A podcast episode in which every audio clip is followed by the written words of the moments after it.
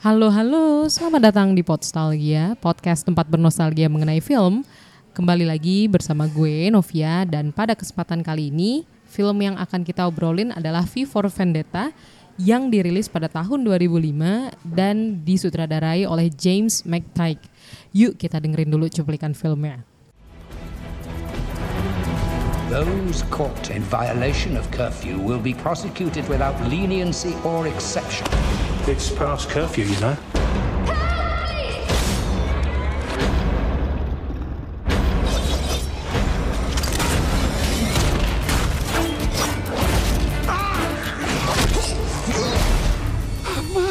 Oh, not tonight. Who are you? Gentlemen, I want this terrorist found, and I want him to understand what terror really means. We're working on several leads. Her parents were detained when she was 12. It was like those black bags erased them from the face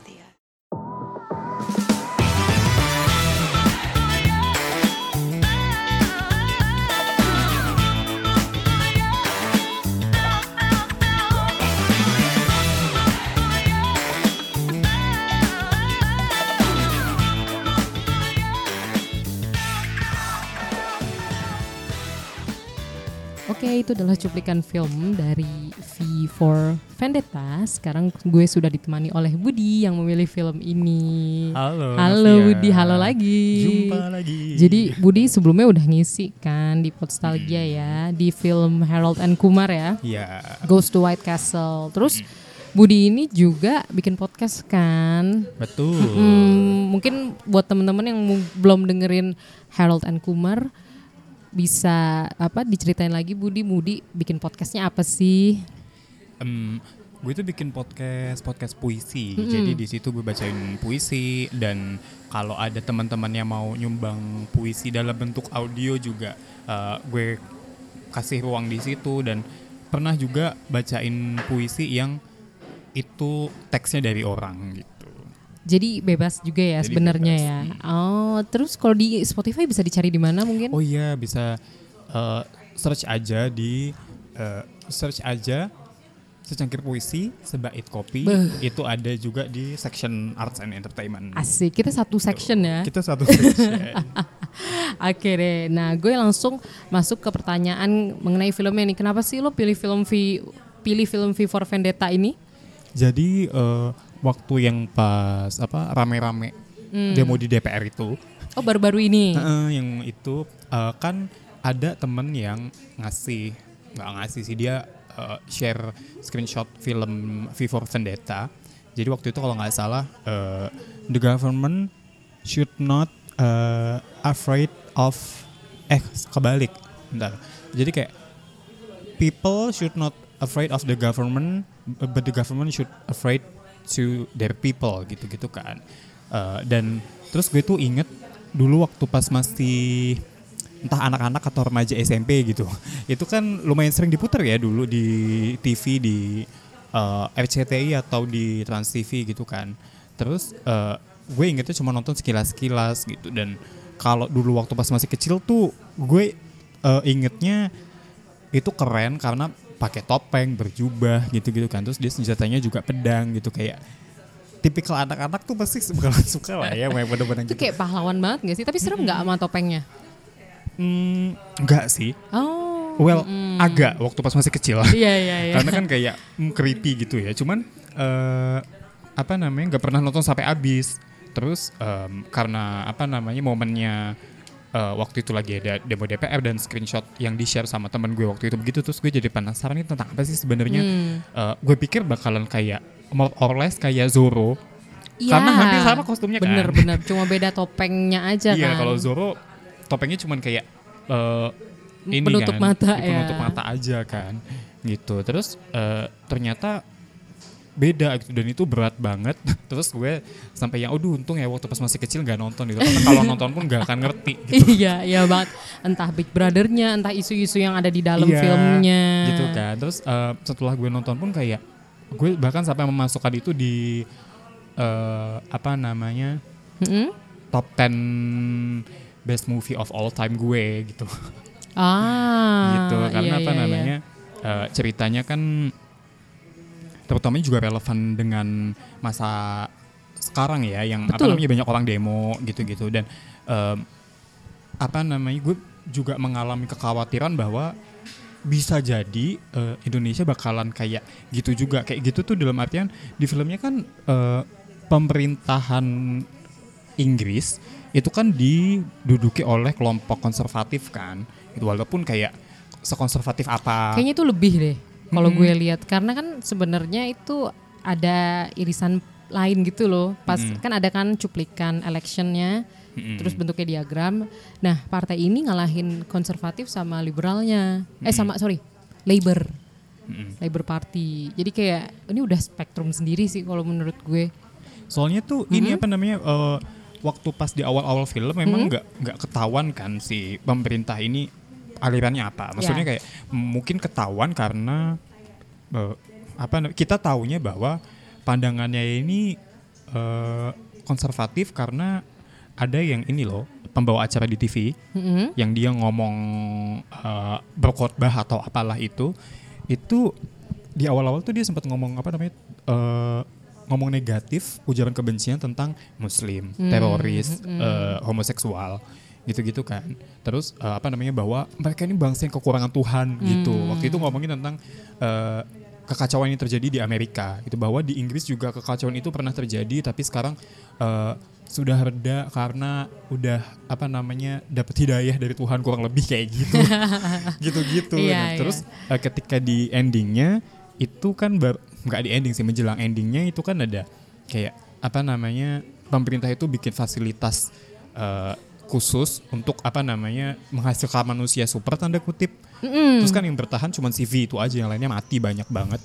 Terus eh, apa bikin nyebarin virus yang bikin orang mati sampai 100 ribu orang, tapi juga bikin eh, penangkal virusnya gitu. Jadi, eh, nah setelah banyak orang mati, 100 ribu orang mati itu, tiba-tiba partai yang konservatif ini itu jadi banyak pendukungnya gitu. Karena dianggap membawa keajaiban berkat obat-obatan itu gitu. Terus akhirnya menang.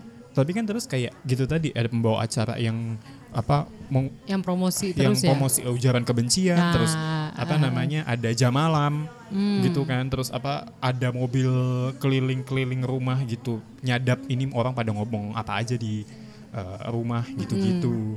Yang nggak boleh keluar rumah kan. Mm-mm. Nah kalau gue sih mungkin kalau misalkan Budi ngelihatnya sama partai konservatif yang di Inggris mungkin ya. Gue ngelihatnya lebih mungkin ya agak mirip UKIP.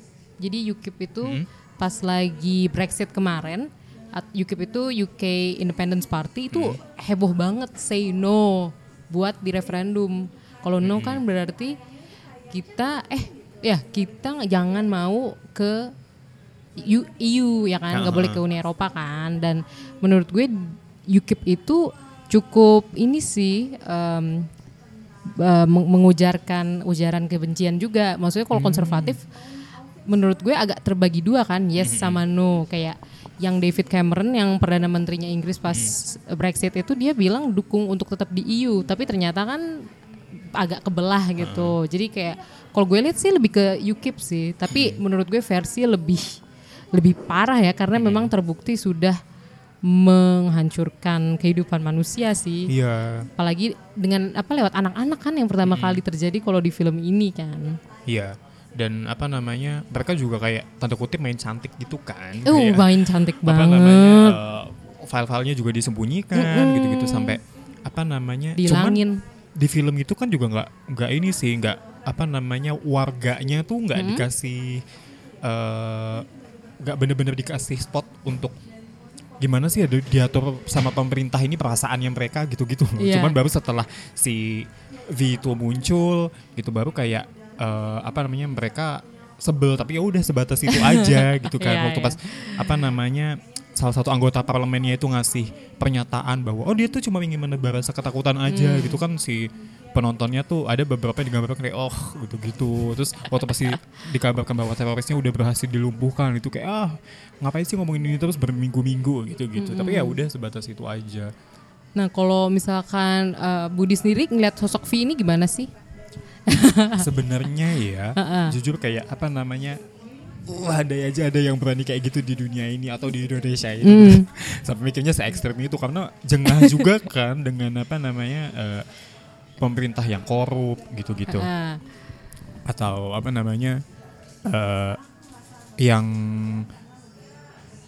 in a way konservatif juga karena kan sekarang ini ada yang aksi intoleransi di mana-mana Hmm, ya hmm. gitu-gitu. Jadi kayak ah, penonton V itu aduh andai aja ya ada yang bisa sampai segitunya gitu. Cuman kayak pertama itu nggak mungkin banget karena kan kayak eh, well itu eh, itu film fiktif ya jadi Oh, nggak iya. mungkin banget Apa dari namanya? komik lagi kan. Iya, dari Biasanya komik. Hmm. lebih gore, ya nggak sih, lebih berani lah ceritanya. Karena kan komik kan. Iya, dan komiknya DC ya bukan iya Marvel. DC lagi. DC tuh emang luar biasa banget sih kalau bikin cerita dark sama gore ya. Iya kan. Terus eh, apa namanya? Jadi kayak membajak stasiun TV untuk nyebarin video Hmm. eh, tanda kutip provokasi gitu kan gak mungkin. Nggak mungkin banget. Terus apa mengancam pakai bom bunuh diri itu kan gak mungkin. Terus nyebarin eh, topeng ke halayak luas itu nggak Iya, mungkin iya, gitu-gitu kan. Sama yang kedua karena em, apa ya ekstremis itu mau itu apa namanya anti intoleransi pun gitu kalau udah mengarahnya ke ekstremis itu tetap gimana ya susah gitu pasti akan menimbulkan uh, efek lain yang lebih gede gitu. Makanya ya endingnya V for Vendetta ya udah dibikin gantung gitu aja. Karena kalau Iya. diterusin pasti lebih kacau kan. Maksudnya Iya bener. anggota parlemennya udah nggak ada semua. Terus yang ngontrol si Inggris siapa dong? Jadi makin susah lagi kan gitu dari Jangan-jangan monarki. kekacauan itu. Nah iya. Total lebih parah nggak lebih sih? parah lagi kan gitu karena kosong melompong nggak ada yang apa namanya nggak ada pemerintahan lagi gitu. Cuman eh, apa namanya tetap ngasih insight juga bahwa sebegitu takutnya ya eh, baik orang awam maupun eh nggak takut sih. Sorry gua koreksi. Jadi kayak eh, sebegitu berpengaruhnya gitu suatu simbol. Dalam hal ini kan ada topengnya V sama eh, gedung parlemennya Inggris y- yang ada Big Bandnya juga itu kan. Itu kan kayak eh, makanya V itu memutuskan untuk ngebom itu karena kayak kalau itu dibom gitu itu kan simbol dari pemerintah gitu simbolnya udah nggak ada gitu loh. Ketika simbol itu dihancurkan ya udah jadi eh, kepercayaan rakyat juga turun sedangkan eh, si V sendiri juga menyebarkan simbol lain yaitu topengnya dia gitu. Terus makanya waktu pas apa ada anak kecil pakai topeng gitu doang lari-larian ditembak gitu. Terus eh, warga jadi marah eh, sama hal itu padahal yang nembak itu juga eh, otoritas yang berwenang gitu. Cuman kan gitu kan sebegitu takutnya eh, pihak official dari pemerintah terhadap suatu simbol bahkan yang make pun anak kecil gitu misalnya langsung ditembak gitu aja. Jadi V itu bicara soal kekuatan simbol sih. Makanya gue tuh suka aja gitu sama yang main-main simbol sepele tapi eh, apa ya mendalam dan efeknya tuh bisa gede Dia itu juga kan simbol V ya kan bikin graffiti juga Iya. ya kan oh sampai. iya Nah, yang makanya gue keinget tadi pas Budi ngomong anak kecil ditembak dia kan lagi bikin simbol V kan. Mm-mm, tapi sama pakai topeng juga dan pakai topeng dan padahal sebenarnya kayak kelihatan gitu loh posturnya juga kecil gitu Iya. loh.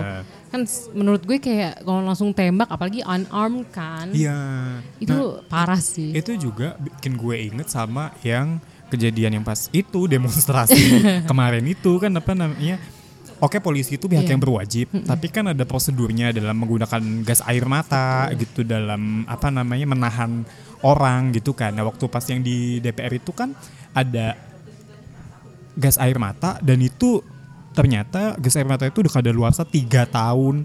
Bayang kayak yang masih tanda kutip fresh aja itu tuh bisa sakit banget kalau yang udah kadaluarsa dan itu gue tahu dari eh, twitternya dokter gitu. Gila Twitter tuh sumber pengetahuan banget ya. iya sekarang. parah sih. Itu kayak Di, bila digunakan secara bijak ya. Iya, iya, Kalau nggak iya. isinya gibah. yes. Curcol, oke. Ya terus eh, apa namanya kalau kadaluarsa segitu lamanya itu bisa sampai menyebabkan kebutaan permanen gitu Aduh, gitu. oh. Terus eh, apa ada juga footage yang polisi gebukin mahasiswa gitu Hmm. dan netizen yang tanda kutip membela polisi kan jadi kayak ya mahasiswa aja bisa anarkis kenapa lo berharap uh, polisi uh, menindak dengan baik-baik gitu karena kan polisi kan punya prosedur gitu-gitu loh nah uh, waktu pas adegan di V for Vendetta yang dia nembak anak kecil itu juga mengingatkan gue akan hal itu gitu. Kayak lo tuh pihak berwajib gitu. Tetap ada prosedurnya dalam menangani uh, kasus gitu-gitu. Apalagi memang kalau aslinya ada yang benar sampai tertembak mati ya. iya. Aduh iya sih. Mak parah ya maksudnya ini bener-bener eh, apa ada kan nih sebuah term yang bilang kalau misalkan films imitate life life imitates film. Dan ini Ya. sebenarnya bisa jadi sebuah em, perlambangan dari term itu sih menurut gue. Karena karena karena film ini udah dari 2006 sebenarnya. Iya kan? Dan, kisah itu terjadi 2019 dan kita nggak tahu ke depannya kan gimana. Itu setting tahunnya tahun berapa ya? Kayak Kalau di- 2000-an deh, karena udah ada TV ya kan, TV-nya udah bagus, terus kayak udah modern juga em, stasiun TV-nya. Iya kalau nggak salah itu tahun 2010-an deh kalau nggak salah setting oh, tahunnya. oh udah, Kalau pokoknya, salah ya. pokoknya udah 2000-an kan ya. oh, udah Mm-mm, 2000-an udah yang jelas. advance lah ya. Mm, karena udah ada handphone juga. Dan teknologi big big apa namanya Big Brother nggak sih jatuhnya itu perdana menterinya. Iya iya iya. Tapi tapi gue pribadi jujur pas ngeliat Big Brother sebenarnya kan simple ya. Perdana Menteri ngomong sama menteri-menterinya gitu kan, pakai monitor ya mungkin bah- bahkan si presidennya pun nggak nggak ngelihat langsung Iya, iya, iya. menterinya kan. Dan menurut gue itu udah bikin gue takut banget sih. Karena karena eh, apa namanya menurut gue memang hierarki itu bisa penting ya selama benar dan adil gitu berusaha untuk adil. Tapi kalau misalkan yang dilakukan di V for Vendetta ini boro-boro mau adil mau boro Iya. mau apa memperlihatkan hierarki gitu itu menurut gue absolut banget sih. Itu Dan total apa namanya otoriter banget juga kan. Iya, karena kayak mm. lo ini orang selain ngasih order ngapain? iya iya banget. Gitu kan. Makanya itu juga em, apa namanya pemimpinnya itu gue lupa namanya ya pak. Entah high counselor atau Iya, apalah iya. gitu. Dia itu juga jadi eh, semacam simbol lagi sih. Dan Hmm. apa namanya mungkin eh, ya dia cuma ngasih order dia cuma ada di layar. Dan kita menganggapnya tanda kutip cuma simbol tapi ternyata kekuatannya lagi-lagi segede itu. Gitu sama halnya ya kayak eh, gedung parlemen dan tanda V dan topeng gitu kan. Udah gitu eh apa namanya? Aduh gue mau ngomong lupa. Tapi intinya dari yang Budi omongin emang simbol penting banget sebenarnya untuk pergerakan apa pun ya. Baik di film V maupun di kehidupan yang sekarang sih. Kayak misalkan kalau di gue keinget nih kayak misalkan di women's rights itu kan banyak banget kan simbol atau Iya. mungkin eh, bahkan dari simbolnya udah kuat gitu loh. Hmm, atau kayak apa namanya pelangi aja deh dikit-dikit pelangi dikira LGBT loh. I mean yes gitu karena akhirnya punya power but like you know kenapa ya apa-apa pelangi dikit dikaitkan dengan Iya, LGBT iya, gitu gitu kan. kayak dulu pernah Google tuh karena gambarnya kan apa sih hijau merah sama kuning kalau nggak salah kan Eh, Iya pokoknya sih, pokoknya pelangi itu lah kan ya. warna intinya main color gitu lah dan ada ada lebih dari dua warna itu terus kayak pernah ada yang nyangkut pautin begitu padahal kayak hmm, not that simple ya Iya. Karena Gitu. eh, ya sebenarnya simbol kan bukan berarti dia artinya satu doang dong, enggak kan? Maksudnya pasti adalah art dia kan cuma perlambangan, tapi arti yang sesungguhnya juga pelangi sebagai sebuah fenomena yang muncul setelah hujan ya tetap Iya, iya, aja iya. gitu loh. Jadi kadang menurut gue eh, nggak sedikit sih yang berlebihan sih, karena simbol juga, walaupun di sisi satu simbol bisa berpengaruh besar, tapi di sisi satu menurut gue kalau yang tadi lo bilang tadi kayak orang apa apa langsung dikaitin ke Kadang tuh kayak- LGBT. Apa simbol itu bisa jadi nggak bermakna apa-apa Iya, tapi karena kita yang begitu, ngasih betul. gitu loh jadinya kayak itu ada gitu. Iya, makanya iya, sebenarnya eh, apa eh, untuk melumpuhkan simbol atau apa pun lah eh, termasuk julitan gitu. Itu tuh dengan gak ngasih attention gitu loh kalau eh, Didiemin ya? didiemin. Kalau kayak ini kan apa namanya ya balik lagi dalam konteks film movie kan kayak eh, orang kan tetap ngomongin itu ngasih power termasuk pemerintahnya sendiri gitu loh. Jadi ngasih power ke situ. Apa namanya waktu pas si V pertama kali melakukan teror di eh, stasiun TV juga dia kan terus ngasih topeng ke kru TV-nya Iya, kan. iya. terus eh, polisinya main nembakin gitu aja. Wah itu parah gitu sih. baru kan kayak wow udah punya power ya. Dan eh, karena polisinya itu yang nembak ya sebenarnya yang ngasih power dari simbol topeng itu ya polisinya sendiri jadinya Bener-bener. Jadi dia Gitu. memaknai sendiri kan. Iya. Padahal nggak sedikit, walaupun mungkin ada Via yang nyelip. Itu kan kru TV, kru TV-nya nggak sekali lagi nggak bersenjata sebenarnya kan. Iya. Walau walau juga ya apa namanya kepanikannya juga bisa dimaklumi sih karena kan gimana ya V, V aslinya kan pakai bom gitu. Cuma Iya tetap sih. aja yang V yang palsu tuh bilang apa namanya don't shoot don't shoot gitu Iya, tetap iya. diceder mati deh dia. Parah sih. Itu Oh, terus eh, gue eh, apa namanya inget hal yang menarik lagi. Hmm. Jadi eh, V itu kan filmnya tahun 2006 ya kalau nggak Iya, salah itu ya. 2006, Nah, betul. terus eh, gue tuh perasaan kayaknya nggak ada eh, apa namanya gejolak politik deh ya pada saat itu eh, secara umum di Inggris atau di du- belahan dunia mana pun. Kayaknya enggak deh. Enggak Tapi kan? sebelumnya memang tiga tahun lalu kayak ada perang Irak. Tiga tahun sebelum film Heeh, itu. 2003 deh, seingat gue itu 2000-an awal. Tapi 2006 kayaknya relatif tidak ada banyak gejolak Iya, sih. dan kayak ujaran kebencian segala macam kan justru baru-baru ini kan kayak Iya. Kalau di Indonesia di Indonesia mungkin sejak 2016, kalau di negara lain nggak tahu sejak Tapi kapan. kayak negara lain juga sebenarnya 2016 sih. Mm-mm, Karena menurut gue itu lagi bangkit-bangkitnya menurut gue yang ekstrim. Mm-mm. Ekstrim-ekstrim kanan sih terutama. Mm-mm. Kayak yang benar-benar membabi buta melarang apa namanya melarang imigran, Imigran, masuk. mm. Padahal sebenarnya menurut gue kalau imigrannya legal coba kenapa harus takut? Kenapa jadi insecure gitu? Iya, iya, di- itu kan jadi rame kan. Di sisi lain kan kayak ekstremis agama kayak ISIS kan juga udah mulai muncul 2010-an Iya. gitu deh kalau nggak iya, salah ya. Iya, iya. Nah makanya jadi kayak ini film tahun 2006 tapi relevannya sekarang gitu. Iya, dan komiknya juga udah lebih lama kan. Iya komiknya juga lebih lama ya. Oh mungkin kalau mau ditelusuri bisa kali ya apa namanya eh, itu komik dibikinnya tahun berapa. Hmm. Terus eh, jangan-jangan waktu pas komik itu pertama dibuat backgroundnya emang kayak begitu. Emang lagi ada sesuatu gitu ya. Mm-mm. Si tapi emang tahun 88 sih, tapi 88 juga gue nggak nggak banyak denger sebuah kisah sih 88 Iya. ke 90.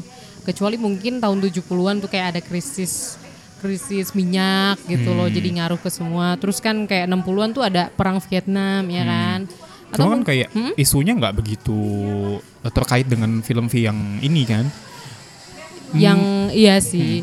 Atau mungkin kita nggak tahu juga kan karena kan sebenarnya V for Vendetta ini kan sekali lagi dari komik kan. Mungkin si David Lloyd atau si Alan Moore-nya ini sebagai yang buat komiknya ini ya dia cuma dia orang Inggris sih dua-duanya. Oh, memang iya, iya, English eh maksudnya ada satu yang British dan mungkin dia melihat sendiri ada fenomena sih di pemerintah Inggris. Dan maksudnya menurut gue kalau kehidupan di Inggris kayaknya nggak seheboh pemberitaan di Iya, dari iya, Amerika deh kecuali mungkin pas Brexit Mm. Dan dalam perfilman juga kan, Iya. dikit-dikit chaos, chaosnya apa-apa di Amerika. Iya. Chaosnya di Amerika tapi eh, apa namanya pembawa damainya juga di Amerika. Amerika sentris banget. Heeh. Mungkin ini kali ya apa namanya eh, yang bisa membahas lebih dalam ini tuh di siapa tuh podcasternya ID Geeking Out kali ya. Oh ya mungkin loh karena itu Aduh. komik banget kan. Iya kan. Coba nih yang kalau podcasternya denger bahas dong. Ya bu- semoga Penasaran baca juga ya. ya. Iya. Iya jadi penasaran sih 88 di Inggris. Kayaknya sih Hmm. nggak nggak nggak heboh sih sekali lagi ya. Kalau Amerika, Amerika juga nggak nggak seheboh itu sih sebenarnya. Hmm. Amerika tuh kayak baru mulai oh Amerika tapi heboh kan karena banyak presiden yang punya skandal. Mungkin kayak Watergate. Hmm. Terus kayak ada kisahnya si Ronald Reagan ditembak lah. Jadi Hmm. kayak apa misalkan JFK katanya punya Iya. affair sama si Marilyn Monroe kayak mereka tuh infotainmentnya luar biasa juga sih Iya, kayaknya iya, iya, ya. iya. Jadi jadi makanya beritanya juga lebih lebih hot gitu daripada di Inggris. Kalau menurut gue sih gitu. Jadi kalau mau ditarik eh, apa namanya benang merahnya mungkin ba- bahwa pada dasarnya pemerintahan itu bermasalah ya. kayaknya kayaknya mau nggak mau emang pasti bermasalah sih. Iya, cuman kayak masalahnya tuh eh kalau misalnya yang kayak punya affair atau apa itu kan personal ya. Iya. Tapi kalau yang permasalahannya ideologi tuh udah mulai kacau kan. Itu termasuk kayak Trump sekarang juga kan permasalahannya kayak yang anti muslim lah, anti imigran lah gitu-gitu kan udah mulai masalah yang menyangkut eh, hajat hidup orang banyak ya. Iya sih. Nah itu kan sebenarnya menurut gue itu taktik sih, lebih ke taktik karena karena setelah kepilih menurut gue dia lebih tone down. Jadi Iya. memang pas masa 2016 tuh lagi rame banget sih isu isu pol- yang mempolaris mempolarisasi kelompok itu parah banget sih. Makanya kan kayak Brexit itu tipis skornya kalau nggak salah kayak 5-2 lawan 4-8 itu kan tipis banget sebenarnya kan. Dan nggak sedikit orang Inggris yang bil- yang memilih eh, tidak untuk join ke UK karena simply karena dia pengen imigran-imigran itu keluar. Jadi lebih Inggris gitu. Sebenarnya itu menurut gue kayak nggak banget sih bukan gitu alasannya. Kalau misalkan alasannya kayak gue pasti denger ada pemain bola namanya Sol Campbell dia kayak keturunan gue lupa daerah Afrika mana. Dia second imigran gitu, generation imigran. Dia bilang gue vote no, maksudnya nggak join si EU karena dia pengen persepak bolaan Inggris tuh lebih maju timnasnya. Nah gue sebagai pengikut Maksudnya gue dulu gue suka banget sama timnas Inggris kayak gue tahu memang timnas Inggris tuh kalau udah di timnas jelek. Jadi kayak gue nangkep oh ya oke gue nangkep maksud lo gitu kayak menurut gue oke lebih logis gitu walaupun gue nggak setuju. Tapi kalau misalkan kayak apa pas itu kayak go Polish go home gitu itu kayak gue nggak nggak banget sih padahal kayak Polishnya juga udah 20 tahun gitu loh di Iya. UK. Kayaknya Kesel dan dan apa namanya eh, kayak orang-orang eh, ide untuk apa namanya kayak ide Brexit ini dan Hmm. orang yang pro dengan Brexit ini tuh juga dipengaruhi oleh ini enggak sih Mark itu juga yang apa yang punya Facebook. Mark tuh kalau nggak- aku tuh kalau nggak salah eh, nonton Great film Hack. dokumenter, ya The Great Hack, itu juga kan kayak bahas selain Trump, Brexit juga kan, dan Hmm. itu eh, tanda kutip otaknya atau tanda kutip dalangnya sama kan, dari Timingnya Facebook juga. sama loh. Maksudnya timingnya walaupun Iya. buruk pas. Mm-mm. pas banget itu. Dan maksudnya di Eropa sendiri pun lagi banyak banget lagi meningkat kan. Kayak pas itu juga pemilihan perdana menteri. Eh sorry kok perdana menteri presiden si Emmanuel Macron itu kan dia kan sebenarnya banyak yang milih dia karena nggak mau eh, Marine Le Pen yang dari Front Nasional yang ekstrem kanan tuh Iya, iya, menang. iya. sebenarnya sesimpel itu sih. Walaupun ya untung Perancis kayak gitu tapi di negara-negara lain tuh nggak sedikit yang akhirnya memilih partai yang sebenarnya cukup ekstrem kanan. Jadi emang ya lagi 10 tahun semenjak V, V for Vendetta justru emang lagi Iya ya. Jadi kayak Terjadi apa namanya? gitu. em, ya meskipun eh, podcast lo ini nostalgia ya, eh, itu ada itu filmnya aja dari masa lalu gitu. Iya, dan- iya, tapi iya. cuman kok kayak meramalkan masa depan. iya apalagi kalau ditarik lagi ke komiknya itu 88 Iya. lebih lama lagi Lebih lama lagi ya. gila ya memang kalau karya yang luar biasa tuh timeless nggak sih Dan eh, apa uniknya juga Nggak? kan eh, yang yang orang inget dari uh, V for Vendetta itu kan pasti remember remember the 5th of November Ya, itu kan. betul, Itu betul. juga ternyata ada puisi aslinya Oh, versi ada. lengkapnya dan itu tahun berapa ya? Em, tahun 1600-an. jadi memang Jadi yang di- dia kan dibuka dengan eh, apa narasi bahwa ada si eh, si Guy Fawkes itu kan, eh, that's a real person gitu dan Oh. itu eh, usaha untuk apa namanya eh, menghancurkan pemerintah itu, tapi itu juga real. Tapi cuman gue masih belum ngecek lagi sih apakah eh, usahanya tuh kayak literally meledakkan gedung parlemen itu. Gue nggak tahu. Cuman yang jelas eh, Guy Fawkes itu beneran ada di tahunnya tahun segitu, dibuka dengan itu dan puisinya juga ada gitu cuman mm, yang dibacakan yang diucapkan di film itu cuman kayak satu bait pertama oh gitu tapi itu aja udah cukup memorable loh. Bagi apalagi bagi remember remember the 5th of November kan udah satu rima. Iya. Dan itu bikin keinget sih dari awal sampai akhir film.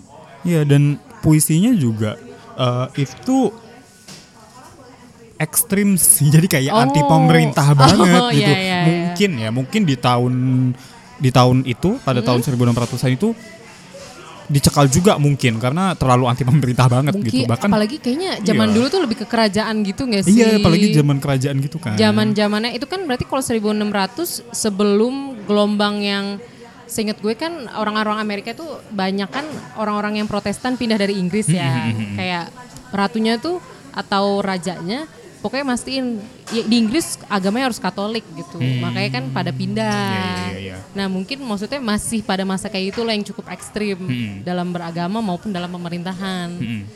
makanya mungkin dilarang juga Iya dan eksplisit sih lagian. Jadinya kayak kalaupun misalnya uh, tingkat apa namanya tingkat ekstremis agamanya itu kayak nggak tinggi tinggi banget, tapi karena isi puisinya kayak gitu ya di tahun segitu gitu mungkin bisa jadi itu juga dicekal gitu. Aduh, tapi itu padahal udah be- beratus-ratus tahun lamanya kan. Dan gue jadi keinget juga di film kan ada adegan tuh ketika tokoh yang diperankan oleh Stephen Fry si Daytrich itu yang melindungi si Eve ketika Eve kabur, Hmm? dia kan bikin komedi yang em, memparodikan Iya, iya, iya. si High Chancellor itu kan. Maksudnya si Daytrich bilang, "Oh ya udah santai aja sih." Kalau menurut gue mungkin santainya dia itu dia pengen ngebuktiin dan dia mungkin percaya kalau Inggris nggak separah itu kok untuk Iya, iya, komedi iya. dan parodi. Ternyata malah Ternyata, kebalikan. Iya, malah dia sampai dibunuh kan. Iya, itu parah banget Cuman sih. kayak apa?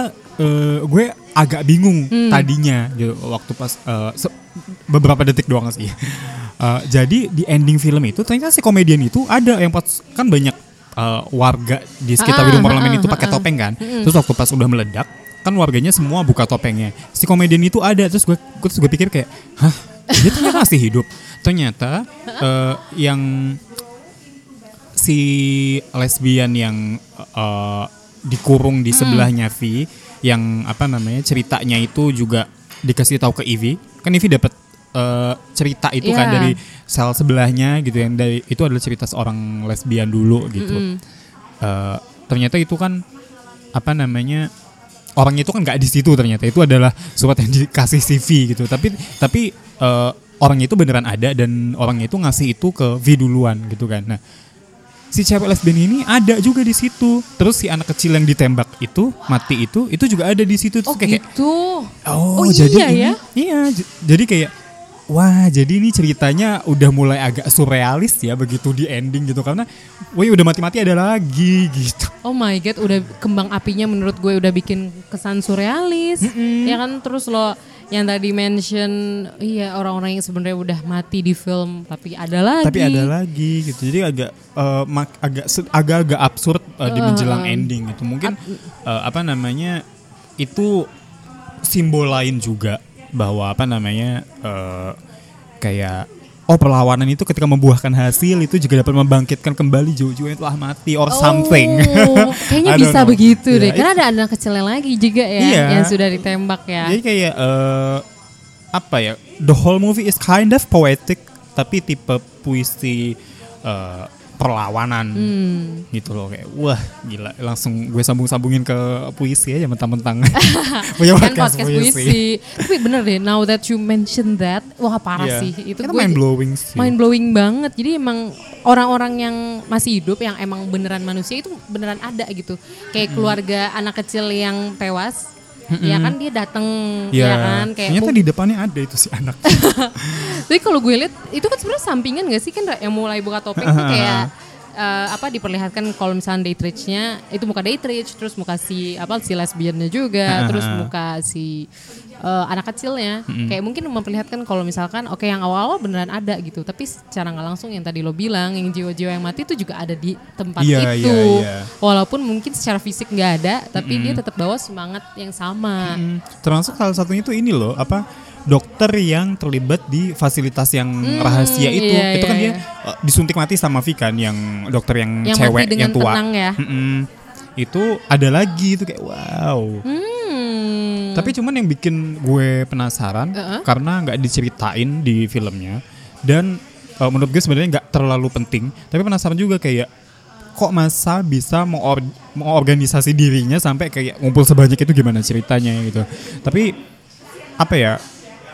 Kayaknya kan si siapa namanya si Eve si Evie itu kan dikurung kan selama berapa lama itu Betul, dan betul. fokusnya cuma di dia aja. Nah maybe di dunia luarnya sana itu orang sudah mulai mengorganisasi diri gitu kan karena iya kita nggak tahu sih kita nggak tahu sih. Cuman eh, dan aku pikir sebenarnya nggak terlalu penting untuk diceritakan, but it would be nice kalau Iya ada detailnya sih.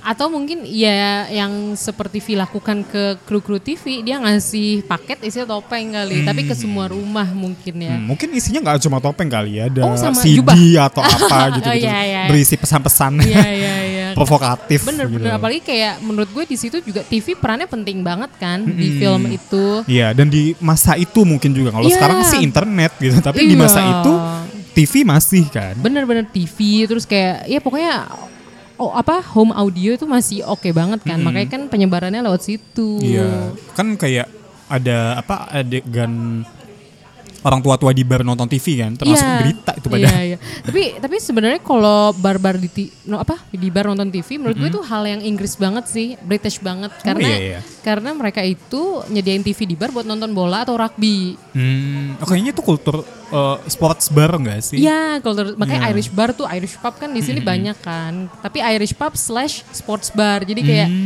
ada dartnya juga. Hmm. Iya, nah, iya, itu iya. biasanya buat nayangin pertandingan-pertandingan olahraga. Hmm. Makanya kayak gue ngeliat wah ini emang film Inggris banget sih. Karena kalau kalau US kan bukan tipe yang kayak Iya, gitu iya, iya, kan. Maksudnya lebih ke ajojing gitu loh. Hmm. Buat hook up.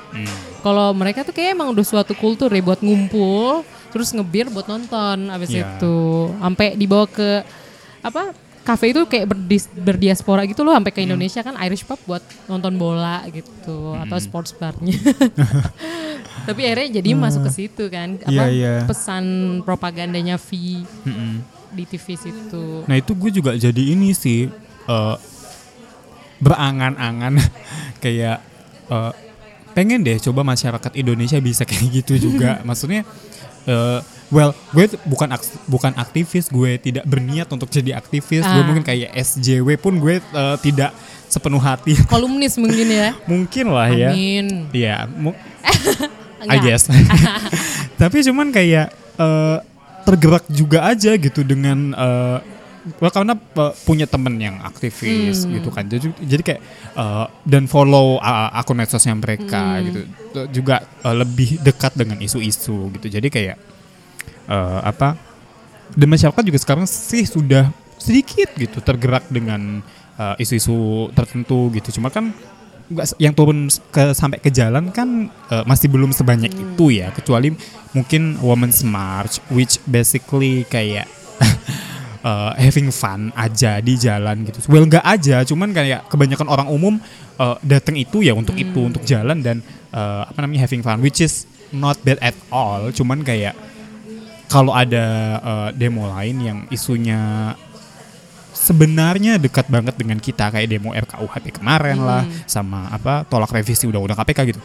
Masyarakat bisa lebih sampai turun ke jalan dong gitu sama kayak orang-orang di V itu loh gitu. Iya. di film V for Vendetta itu kan eh, mereka tergerak tuh gitu apakah ya harus sampai ada orang yang eh, terbunuh gitu anak kecil terbunuh atau harus bener-bener sampai nyentuh ranah kita yang sangat personal banget baru mau terjun gitu kan ngeri ya gitu. Ntar pas saat itu terjadi too late gitu takutnya gitu sih. Jadi bikin berangan-angan Iya, tapi film ini. gue pribadi juga berharap nggak jangan sampai lah kayak gitu.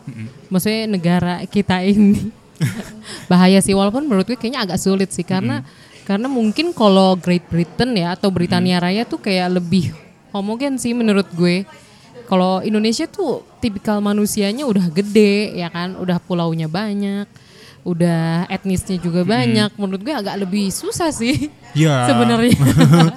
ditambah lagi kan eh, sekarang udah zaman internet kan orang makin nyaman di belakang layar Hmm. Betul, ya nyaman terus jadi kayak apa eh, turun ke jalan juga makin males gitu. Orang juga bisa eh, eh, apa namanya berteriak di media sosial via eh, Twitter terutama gitu kan. Kalau misalnya nggak setuju dengan kebijakan pemerintah nge-tweet nge-tweet nge-tweet nge-tweet jadi viral gitu. Cuman kan kayak dampaknya kan belum besar ya. Atau malah nggak besar Nggak atau malah besar, kecil. Kadang malah cuma sehari Gitu. atau bahkan kalau tweet ya menurut gue kalau viral nih siang, tapi malamnya ada tweet lagi yang lebih viral tuh bisa Iya. bisa terlupakan menurut gue. Jadi cuma kayak jadi trending topik sesaat deh Oh, ya. oh, menurut gue agak mubazir sih kalau cuma ditaruh di sosmed walaupun oke sosmed secara jangka pendek mungkin bisa sangat bermanfaat gitu. Cuma kalau dalam jangka panjang kayaknya agak sulit deh kalau Hmm. misalkan kayak yang kemarin gitu ya atau contoh deh gue nggak setuju Hmm. sama gerakannya kayak yang gerakan 212 oke gue nggak setuju sama gerakannya tapi karena mereka beneran turun ke Monas gitu kayak orang-orang yang beneran ada ya Iya, kan iya, iya. jadi mau diinget-inget terus ya tetap teringat gitu Iya kayak di kayak di idea gitu kan, Iya. di idea of people power tuh ya sebenarnya ada di situ. Iya, itu cuma iya. kita kayak maksudnya orang yang konservatif atau apa eh, tanda kutip anti keberagaman Hmm, atau intoleran gitu aja tuh bisa menggunakan people power loh. Kenapa kita harus selalu eh, jadi hashtag silent majority Iya terus sih. gitu? Aduh, sayang banget sih. Jadinya orang-orang yang eh, mungkin nggak major tapi dia berani berteriak dan berani maju gitu ada. Jadi lebih Iya. diingat ya. Cuman kayak gimana ya eh, kondisi kita sebagai orang Indonesia juga sih yang bikin sulit karena kan kalau misalnya di negara maju deh kayak Hmm. Amerika lah, Langsung Amerika lagi ya, tentu yang eh, problematis. Hmm. Itu kan negara maju, em, mungkin permasalahan personalnya juga tidak sebanyak di sini. Setidaknya dari segi ekonomi, kita kan Iya. mikirnya ekonomi terus kan, kayak apa namanya eh, kerja terus, kaya kagak, gitu. Karena lembur terus. gitu. juga gede banget nggak sih? Jadi kayak apa namanya? Kalau misalnya mikir-mikir eh yang sebenarnya untuk kepentingan diri kita sendiri juga, cuman ngaruh ke orang banyak itu tuh masih agak kurang gitu karena masih butuh eh, cari makan, masih Iya. capek capek kerja gitu, mending bersosialisasi aja gitu-gitu loh. Masih Sulit ke arah sana sulit agak karena sulit, sulit. iya karena kondisi lingkungan kita. Iya, udah. Maksudnya ngomongin lingkungan juga kayak di Kalimantan concernnya Hmm. mungkin lebih ke hutan gitu. Iya, Terus iya. kayak yang daerah NTB pantai, kayak beda gitu loh. Buat nyatu ini gimana? Iya. Terus yang di urban gitu, kayak kota-kota kayak kita di Jakarta Hmm. soal masalah urban kayak trotoar sama jembatan, Iya. mana bisa relate itu yang di Kalimantan mungkin? Ya dan itu itu juga kan eh, misalnya kayak tadi Kalimantan soal isu yang jadi fokus mereka mungkin eh, tentang pengelolaan lahan gitu. Mereka orang setempat aja belum tentu aware karena kayak akses informasinya kurang gitu-gitu Iya, kan. Karena kan di sana pembangunannya masih setidaknya nggak jauh lebih tertinggal dibanding Jakarta lah kalau mau dibandingkan Iya. gitu. Sedangkan eh, apa banyak juga yang jadi kayak eh, apa adu ini adu penderitaan gitu di kompetisi penderitaan gitu kayak ah orang Jakarta mah ngeluhnya gini-gini aja gitu di kita dong gitu kayak lo kan ini bukan kompetisi Iya beda Iya, gitu. gitu-gitu. Beda banget. Kayak ibaratnya misalkan kayak di Papua gitu daerah Sentani yang memang rumahnya lebih lebih cocok kalau honai gitu loh, bukan rumah tembok. Iya. Nah, pernah gue pernah dengar dari dosen atau dari guru di dibikinin dari orang dari daerah Jawa sini, maksudnya dari Pulau Jawa, bikinin rumah bertembok dengan harapan kayak ngasih tempat tinggal yang lebih baik. Padahal enggak, bukan itu jawabannya karena jadi Iya. nyamuknya jadi banyak. Padahal katanya Honai udah paling pas, udah Iya. adem, sejuk. Kalau tembok kayak panas gitu. standar lebih baiknya kan beda ya di eh, tempat dan masyarakat Hmm, tertentu makanya gitu diperlukan banget berarti kan um- ilmu humaniora yang penting sih. Iya. Promosi gue kan. Ini seru banget sih, But. Maksudnya kita ngomongin film V for Vendetta jadi ngomongin politik ya uh, Kan luar film biasa. politik sih Iya sih. Eh, jadi gue baru baca lagi, sorry mau ngoreksi. Tadi Ah. tuh eh, puisinya itu tahun eh ih mana tadi? Tahun Yang- 1800-an. Oh, Puisi jadi- yang tadi itu yang remember remember Fifth Oh, bukan November, 1600, berarti 1600 agak ralat. Mm-mm, 1600 itu eh, yang si apa namanya? si Guy, si Guy Fawkes-nya. Oh, Jadi tapi Guy- beda ya. Hmm, Jadi Guy enggak Guy Fawkes-nya itu ingin melakukan apa namanya percobaan menggulingkan pemerintahan dengan ngebom gedung parlemen gitu tahun 1600. Tapi pu- gitu. dibikin puisinya berdasarkan itu itu eh, tahun 1800 Ah, gitu. iya iya dan mungkin timingnya juga 1800 karena kan banyak revolusi yang terjadi ya kayak Hmm. Di Amerika dia mulai merdeka kan 1700-an gitu Hmm. dari pemerintah Inggris terus kayak Prancis juga kan mulai revolusi Prancis tahun 1700-an juga Hmm. jadi makanya mungkin dibuat kayak numpuk udah banyak nih kisah revolusi Hmm, jadi waktu itu kalau itu. diterbitin tahun 1600 itu nggak memungkinkan nih gitu. Jadi ceritain sekarang deh gitu yang Padahal udah, udah- relatif lebih aman dibanding tahun segitu. sebelum-sebelumnya apalagi kayak udah banyak revolusi yang terjadi jadi kayak Iya. Ya why not gitu ya. Jadi sebenarnya ya agak serem ya bikin karya aja Iya. sampai bisa jadi dibunuh kayak Dietrich. Ya kan, dibunuh. I- di Indonesia aja kayak Munir gitu kan bikin dia juga bikin puisi kan uh, Wiji Tukul gitu-gitu dia juga uh, mereka juga uh, baca puisi dan uh, Munir dibunuh Wiji Tukul hilang sampai sekarang nggak tahu ke mana gitu kan nah, terus uh, apa ketika si Eka Kurniawan tuh waktu itu sempat menolak aja eh, menolak bukan ajang menolak apa tuh penghargaan Ya, dari, dari pemerintah. pemerintah. gitu kan eh, kayak eh gue sih nggak mau nerima itu ya attitude-nya kurang lebih kayak gitu gue sih nggak mau nerima itu ya karena eh, ngapain gitu toh eh, pemerintah juga nggak punya komitmen yang nyata untuk menghargai sastrawan gitu untuk apa namanya sekarang Wiji Tukul aja ke mana Hmm. gitu terus eh, kasusnya Munir aja apa kabar Dan dia bawa pembanding kan, maksudnya sama atlet. Ya kan, atlet kalau misalnya menang Oh, iya. emas dapatnya miliar gitu. Sedangkan dia 50 juta gitu. Iya, iya, Dari iya. situ aja udah terlihat kejomplangan penghargaan sih menurut gue. Padahal sebenarnya padahal kayak Eka Kurniawan juga sangat mendunia gitu. Oke, Iya. maksudnya kalau atlet di ajang SEA Games dia kan atau Asian Games ya, Asia Asia gitu. Nah, Eka Kurniawan malah seluruh dunia gitu. Iya, kalau mau dibandingin kan kayak skalanya lebih lebih ya. timeless. Iya. Buku tuh timeless banget Iya, gitu. Bukan timeless. mendiskreditkan atlet ya karena gue juga seneng nonton SEA Games sama Asian Games sebenarnya. Iya, iya, iya. Tapi kayak ya, ya, itu setidaknya aja. jangan mm, ada- dalam hal uh, duit setidaknya Iya, jangan segitunya penghargaan ya. kan. Mm-mm. Mm. Jangan segitu jomplangnya betul gitu. betul. Ya sulit ya memang untuk ada Iya. keadilan. Aduh, thank you banget loh Bud udah sharing-sharing soal film V Iya, for Vendetta. sama-sama. Sebenarnya lebih sharing soal ini ya obrolan politik loh kita ya. Hmm, karena ya gimana tema besar tema besarnya juga itu sih ya dan relatable banget dengan masa sekarang. Hmm, i- banget padahal itu film 2006 dan mungkin menurut gue bisa relatable sampai bertahun-tahun yang akan datang sih. Tapi mudah-mudahan jangan sampai ya. Maksudnya kayak iya kalau iya, kalau jangan. misalnya kalau misalnya eh, tahun-tahun belakang sudah tidak relatable lagi dengan itu kan berarti sudah lebih damai Bagus, keadaannya. iyalah ya. Walaupun Wala- ya Hmm, kayaknya lebih banyak perang ya ya daripada masa damai ya. Ya, but we'll see. Cuma kata teman juga gitu sih. Em, gimana ya? Dulu tuh untuk mencapai keadaan yang sedamai sekarang tuh juga perangnya heboh-heboh banget sampai Iya, sebelum akhirnya. Kayak perang dunia. Iya, perang dunia Kayak kan. gue kalau mikir-mikir lagi nggak bisa terjadi ya, serem banget. dari ya dari mulai perang salib aja deh, dari perang Oh, iya. salib terus sampai ke perang dunia satu, perang dunia kedua baru damainya sekarang. iya. Kayak berapa puluh tahun baru mencapai kedamaian. itu. Which Yang- is ya we have to prepare for the worst. Iya, apalagi yang paling kasihan tuh yang habis perang dunia satu selesai kan nggak tahu tiba-tiba perang dunia dua muncul lagi. Iya. Iya kan masa damainya bentar banget. Sedih. Aduh, sedih Sedih banget. sedih eh, bikin khawatir juga tapi ya mau gak mau harus siap. Iya harus selalu siap ya kita ya. Sedihnya. Nah, thank you banget Budi sekali lagi udah sharing-sharing. Terus mungkin uh, buat teman-teman Potsalge yang penasaran sama sosmednya Budi, Budi bisa share sosmednya Budi gitu. Oh iya iya Eh, sosmed gue bu- at Butski Instagram dan Twitter Butskinya B U D S K I Y. Eh, terus ada juga Instagram podcast gue at podcast secangkir puisi. Asik. Dan mungkin kalau ditulis Butski gitu ya di Google nanti banyak artikel juga ya Oh karena iya. Budi banyak nulis artikel ya. Kayak gue pas Iya. lihat kayak gila gue gue harus terpacu juga nih buat bikin tapi nggak bikin bikin gitu.